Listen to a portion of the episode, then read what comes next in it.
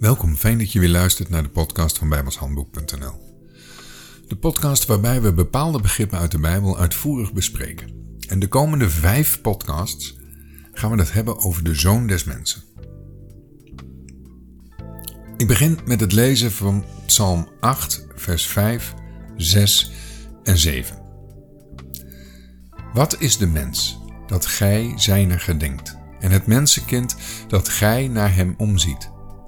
Toch hebt gij hem bijna goddelijk gemaakt en hem met heerlijkheid en luister gekroond.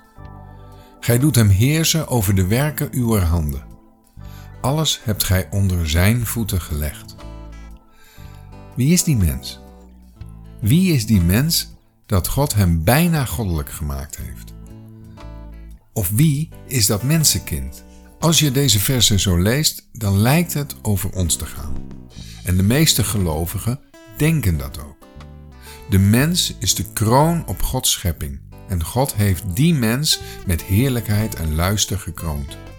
En luister is ongeveer hetzelfde als heerlijkheid. Misschien is het je opgevallen dat ik stiekem de NBG-vertaling gebruikt heb.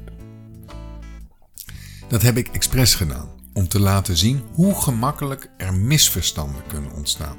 Ik zal dezelfde tekst nog een keer lezen, maar dan vanuit de Statenvertaling. Psalm 8, vers 5 en 6. Wat is de mens dat gij zijner gedenkt en de zoon des mensen dat gij hem bezoekt en hebt hem een weinig minder gemaakt dan de engelen en hebt hem met eer en heerlijkheid gekroond. Als we vers 6 met elkaar vergelijken, een vergelijking maken tussen de MBG en de Statenvertaling, dan staat er in de MBG: De mens is bijna goddelijk gemaakt. En in de Statenvertaling staat: De mens is een weinig minder dan de engelen gemaakt. Maar wat moeten we nou geloven? En eens kijken wat de Bijbel nog meer schrijft over de mens. Romeinen 3, vers 10, 11 en 13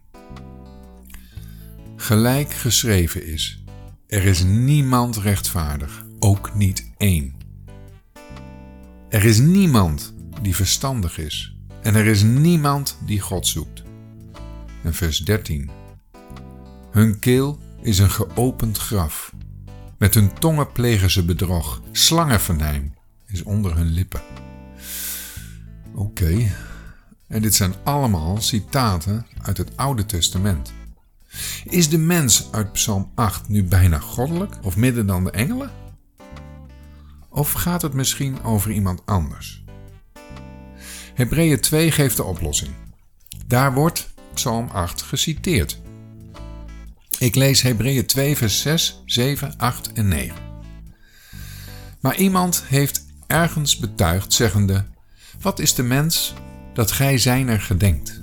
Of des mensen zoon dat gij hem bezoekt. Gij hebt hem een weinig minder gemaakt dan de engelen. En de MBG-vertaling zegt: Gij hebt hem voor een korte tijd beneden de engelen gesteld.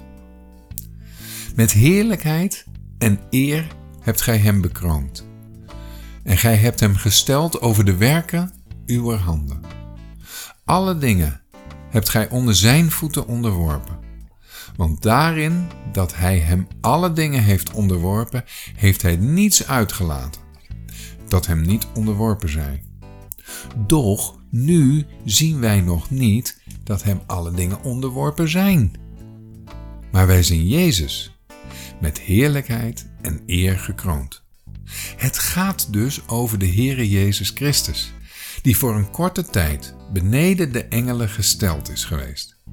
En dat was toen hij op aarde was. Nu is hij weer aan God gelijk.